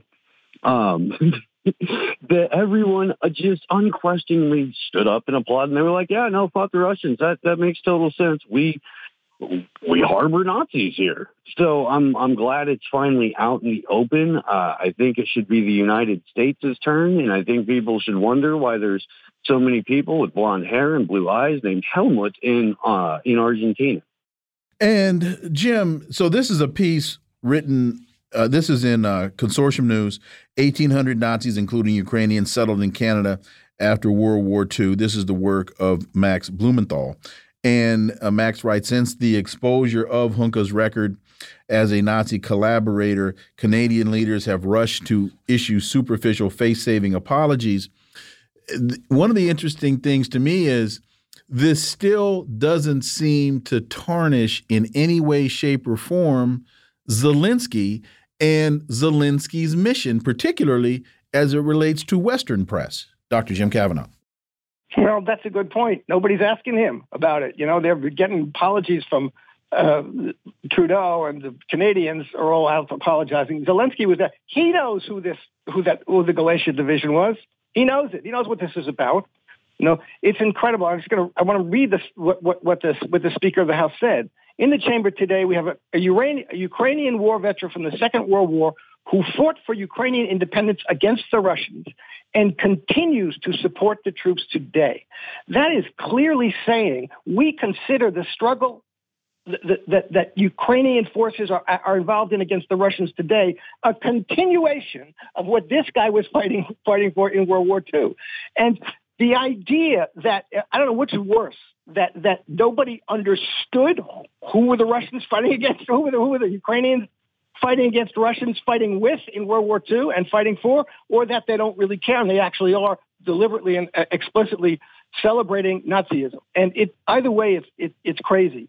And as Steve says, these these uh, uh, so Zelensky knows knows this. He knows the history of this. He knows that the people, uh, the Ukrainian political forces and armed political forces, at the vanguard of their fight today, are the direct lineage groups, not only descendants, but often the same groups, the OUN, et cetera, who f- fought with and for Hitler and the Nazis and were proud to do so and are today proud to have done so. And that's something that, you know, if people don't realize it, they better wake up to it. But, you know, it is the case that both in Ukraine and in the United States, thousands of fascist supporters and collaborators uh, from Ukraine were allowed into the United States because in this article, as as uh, Blumenthal says, because they were anti-communist and they were considered helpful for the anti-communist movement, political movement in the United States. You know what's interesting, Steve? I'd like to get your thoughts on this. Everybody, Jeremy Corbyn is an anti Semite. Anyone who politically doesn't align with neoliberalism, they'll find a way to uh, uh, call, uh, uh, go after him. There has been radio silence from the Biden administration. That's what I think is interesting. Joe Biden, Blinken, all these people that are screaming anti Semite all over the world. Now, we got monuments to Stepan Bandera and his ilk in the United States. They have them in Canada. The Biden administration, Poland has stood up and said, hey, we got a problem. You, are stepping over the line here. We, we're going a little bit too far. You've got people around the world, Israel screaming, hey, wait, whoa, what's going on here? And the Biden administration absolute radio silence. Steve. Well, not wait a minute. Not only the Biden administration, Kevin McCarthy. Oh, the whole, everybody. No. He's not in the Biden administration. I'm saying the, the whole U.S. Kevin government. McCarthy escorts this fool through Congress. Brought him to Congress last year. How about the U.K.? The, Hakeem Jeffries, the CBC. Where are these people asking the question? Why are my tax dollars going to fund Nazis? They know the history too. They do. Uh, Hakeem Jeffries knows that the United States has harbored Nazi war criminals and collaborated with them since pre World War II.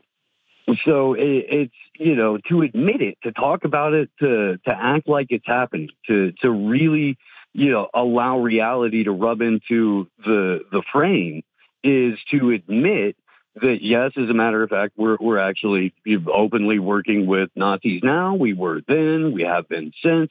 There's pictures of everyone from the royal family in Nazi uniforms doing salutes. Those are a little awkward. The, you know, it's, it's it's not as if there's not enough direct evidence to corroborate it, but we still have to pretend that you know the Democrats are you know uh, I guess the good guys and always against anti-Semitism. Well, so are the Republicans too, because everybody's really, really fighting for Israel all the time with your money. So they can't they can't let it go away. Or I'm sorry, they can't let it come into existence. Eh, uh, at least until after they get rid of Joe Biden, and then they can. They can blame it all on him.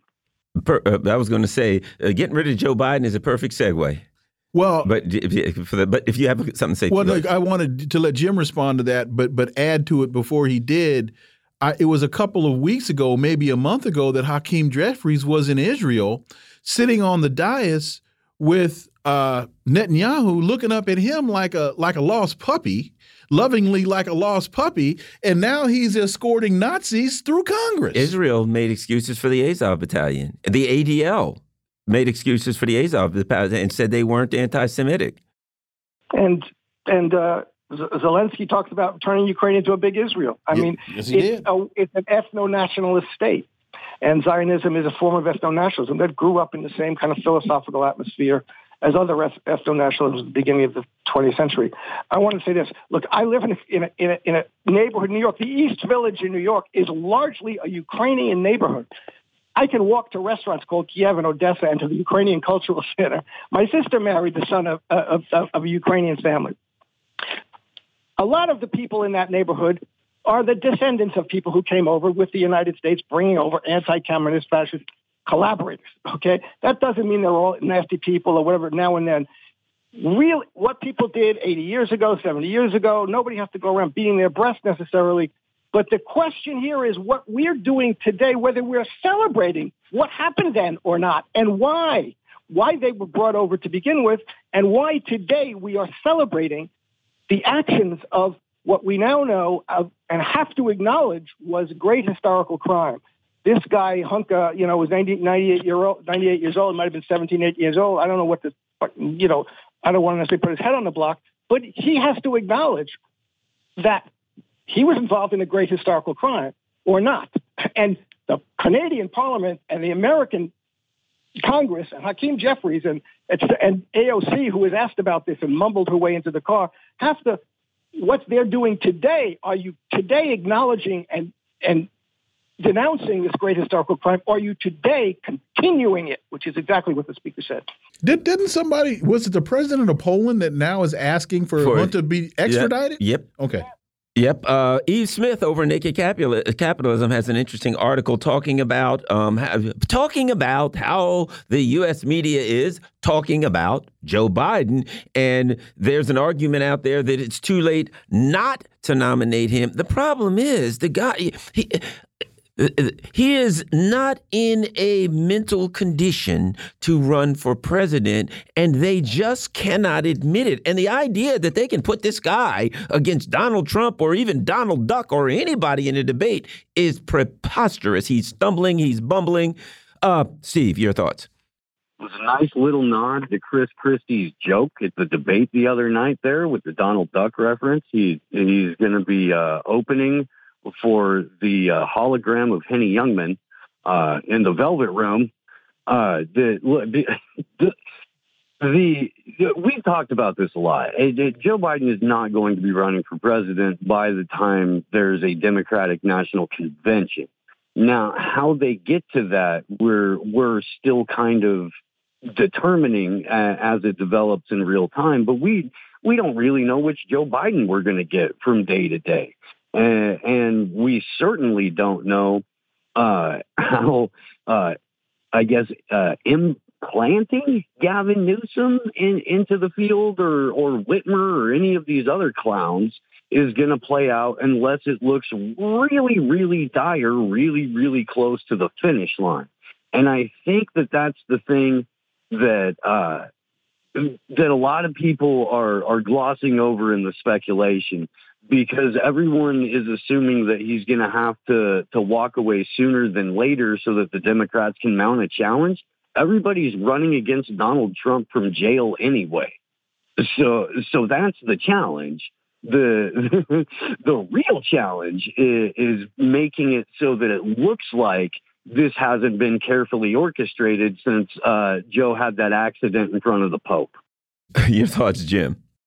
Well, yeah, it is a disaster for the Democrats. Uh, you know, uh, Silver's, you know, a lot of nonsense, I think, but one thing's right on would have been better for the Democrats if they had gotten rid of Biden six months ago, or he would have announced six months ago he wasn't seeking a second term. The problem is, it's they don't want to have a primary. They want to control who the nominee is. And they don't want to have an open primary because JFK, uh, RFK Jr. is going to do very well in the primary, and they know that. So they have to try and keep Biden around until close to the convention. They have to try and get rid of Kamala Harris, which means she has to, you know, the, the, the theoretical program would be she resigns in April or May, and they, they appoint whom they want to be Biden, Biden's successor, so there's no time for primaries. Can Biden last even until that long? You know, uh, if they do it anywhere, if they if they do it and open a path anywhere before that, you know, in, in January, then there's got to be primaries, and uh, they don't want that. So it's a disaster for the Democrats because everybody's going to see what, what's going on. You know, everybody does see what's going on. It's being talked about openly that Biden can't do it. So they know. You, everybody knows there's discussion going on in the Democratic Party. How are we going to get rid of Biden? and they're just trying to hide the process and control it themselves, and not open it up to a real political debate, even within the party, which does not want him. Garland, are we getting ready to experience the political sequel called The Weekend at Bernie's. Is that is, is it would call the weekend at Biden's? Yeah. As they as they try to continue to present him as though he's viable when in fact he is not. Well, I think this is worse because with a dead body, you don't have to shut him up. You know what I mean? With Biden, he's saying things, so at least the dead body is not going to embarrass That's you and say stuff. It's just going to flop around. Because didn't Bernie also wear the aviators? Yes, he did. Okay, yeah. all right. RT reports Germany's 9 11 moment. This act of economic terror will change the future of Europe. The destruction of the Nord Stream pipelines, long held as a symbol of energy security for Europe's economic powerhouse, became the catalyst for a massive crisis. And uh, Steve Poikonen, uh, your thoughts? And you know, I've been I've, I've been saying for quite a while that usually, uh, up until this point, we have to reflect upon historic events and then say, wow, that was a historic moment. Wow, that was a game changer. We are now living in the midst of the moment, and it is incredibly obvious to us that we're in that moment. Steve Poikonen.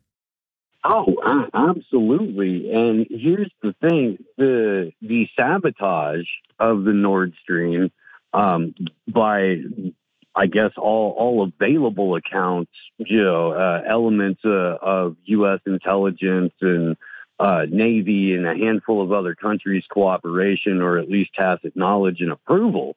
Uh, it not only is it a massive environmental disaster by every account, uh, it, it is put Germany into a situation where they can become the first domino in the European Union to fall to this massive economic sabotage in a, a potential chain reaction that could see a complete restructuring of Western Europe under a, a handful of corporate oligarchs, um, which kind of looks like that's the way that it's heading. Uh, and it doesn't look great for the German people because they're losing the ability to express uh, uh, public dissent online. They're losing the ability to do it out in the street. And so, as we see uh, the economic conditions worsen, we're seeing the civil liberties and the rights of the German citizens to express their dissatisfaction with this being removed. It doesn't bode well. Jim Kavanagh. Yeah, you know, this is the, the explosion itself is a, a great symbol and inst- instantiation, really, of the disaster that this whole Ukraine war has been for Europe and for the and for Germany particularly. I mean, as Michael Hudson says, many people have said the point of this is to keep Russia, or uh, Kissinger apparently said originally, keep Russia out and Germany down, you know, and get the Americans in. This is a war against the rising power of Russia, but it's a war against the possibility of independence, economic and political independence of Europe. And uh, the the blowing up of this pipeline, you know, demonstrates that first of all, the war didn't succeed in the way that they wanted to succeed. The the, the economic power of Russia is still rising. They did all right. Nobody under, nobody knew this. The Russians didn't know it. They didn't know what the risks they were taking. They're doing all right economically. European countries are the ones who are facing disaster, starting with Germany. And Germany has been cut off from its energy supplies. The German capitalists know it. The German industrialists know it. And it creates the situation where uh, economically Germany is being is suffering from it, and politically they're being exposed. The German political leadership is being exposed as client poodles of Washington because they went along with this and they're still afraid to even to, to confront it. So it's a disaster. It's is this whole thing is a disaster, and that explosion is kind of a an image of that explosion, an image of the whole disaster that it is for Europe. That this war in Ukraine is for Europe. And you know, Steve, we see right now Slovakia, they're about to have an election, and it appears that a person. I'm not going to call him anti-NATO, but the the the the uh, potential winner, the person that's leading, is a person who's pushing back against the Ukraine narrative and basically furthering, pushing back against furthering the conflict. At some point, Germany's going to have an election again. And when they do, I have a suspicion that this particular issue is going to come to the forefront. And it's going to be after this upcoming winter as they feel the pain of not having cheap Russian energy. I would suspect that the cries for justice will get louder and louder. Steve Poikonen. Oh, absolutely. Uh, and it's going to, they're going to come to the door of Christine Anderson. Uh, and, who knows where where that will go afterwards. But uh, it, it's an inevitability. And we were talking last year on this program about winter coming to Ukraine right about this time. And it didn't go very well for them last winter. Their spring offensive or counteroffensive or whatever didn't go great either. And eventually, there's going to be leadership change in that country too, although I doubt going to come from the ballot box.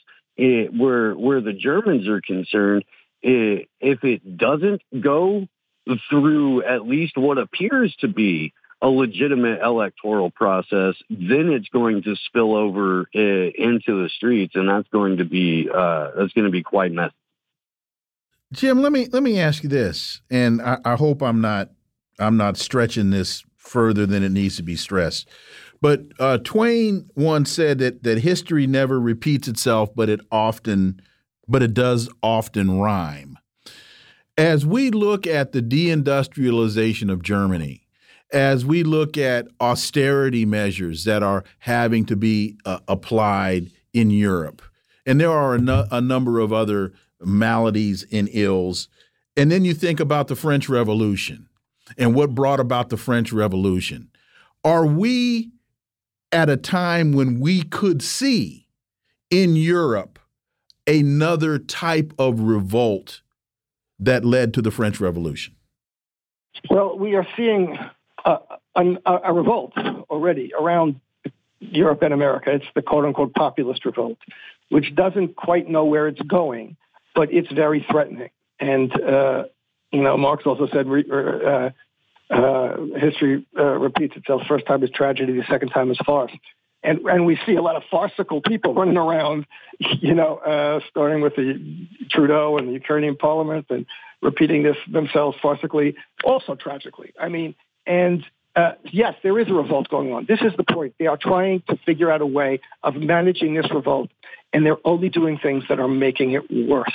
And all of this repression, which is, I say, it's the uh, uh, state of preemptive counter-revolution. They're putting into pre- into practice what are normal would historically have been called fascistic tendencies of repression and authoritarianism that are there to manage the, the, the revolt if it ever gets politically threatening in a way that it hasn't quite yet so far, if it ever gets organized and managed and threatens the overthrow of the state in some kind of devastating way, they have already put in place the mechanisms of, of repression for that.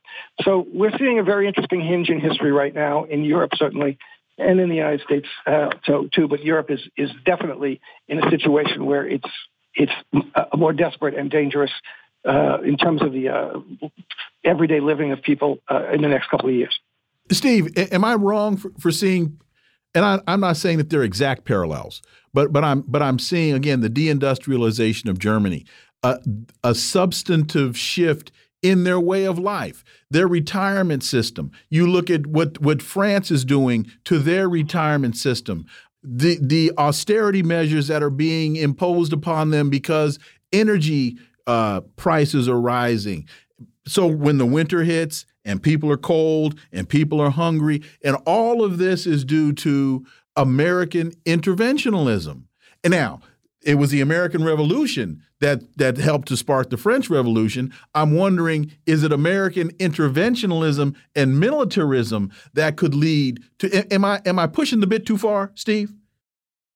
No, I don't think so. I mean, it does rhyme. It really does, uh, and the, the it's often it's often to always the exact same financial institutions, the exact same corporations that are benefiting ultimately from either arming both sides or uh, arming some of the the paramilitary or terrorist groups that get attached to both sides.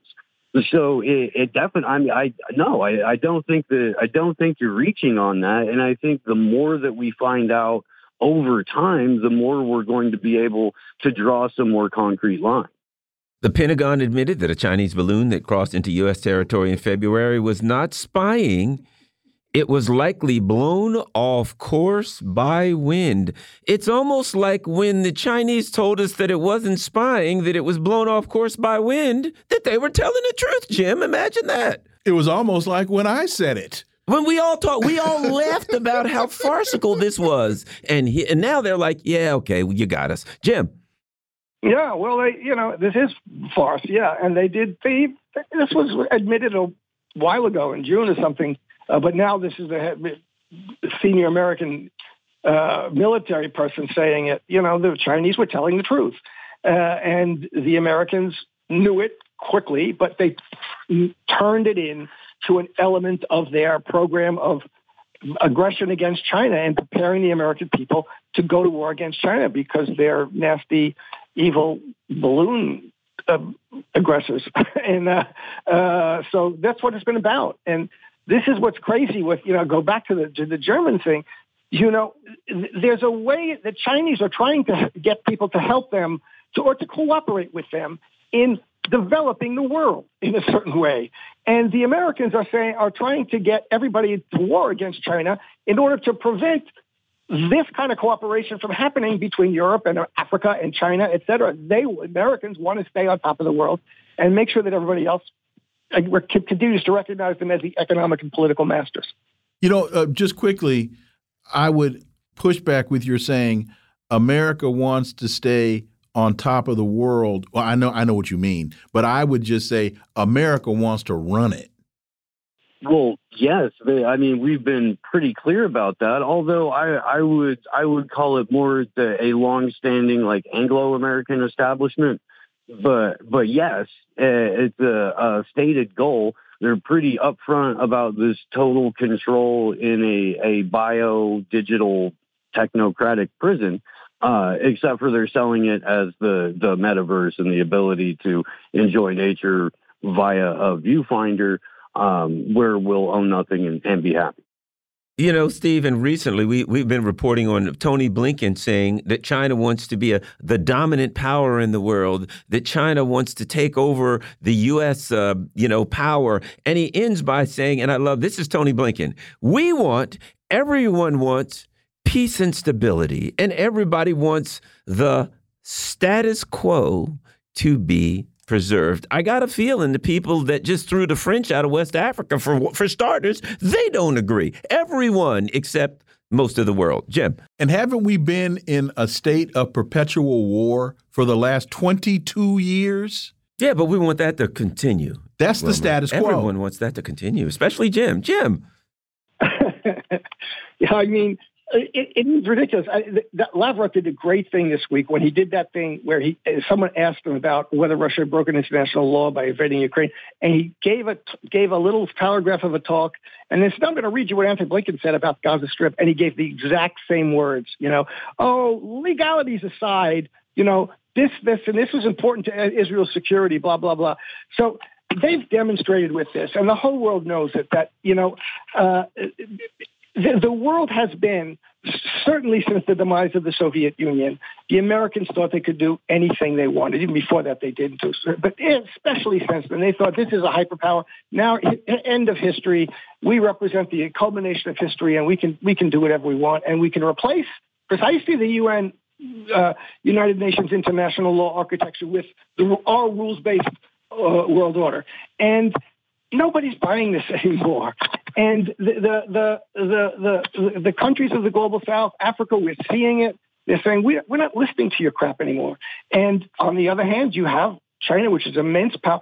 You cannot, China will be a very strong world power. You can't stop that from happening. You can't stop Russia from being a very dominant world power. It's got the largest country in the world with huge natural resources. And the United States just does not want to acknowledge that its day as the hyperpower, which it thought it was going to be forever after the demise of the Soviet Union, is done. As it happened to Rome, and it happened to Greece, and it happened to the Ottomans, it happens to empire. Steve Poikonen, Dr. Jim Kavanagh. Gentlemen, as always, thank you so much for your time, your analysis. We greatly, greatly appreciate it. Enjoy your weekends. We look forward to having you guys back. Thank you. Thank you very much. Folks, you've been listening to the Critical Hour here on Radio Sputnik. Thank you for allowing our voices into your space. On behalf of myself and my co host, Garland Nixon, we hope you were informed and enlightened, and we look forward to talking with you all right here next week on Radio Sputnik. Be safe. Peace and blessings. We're out.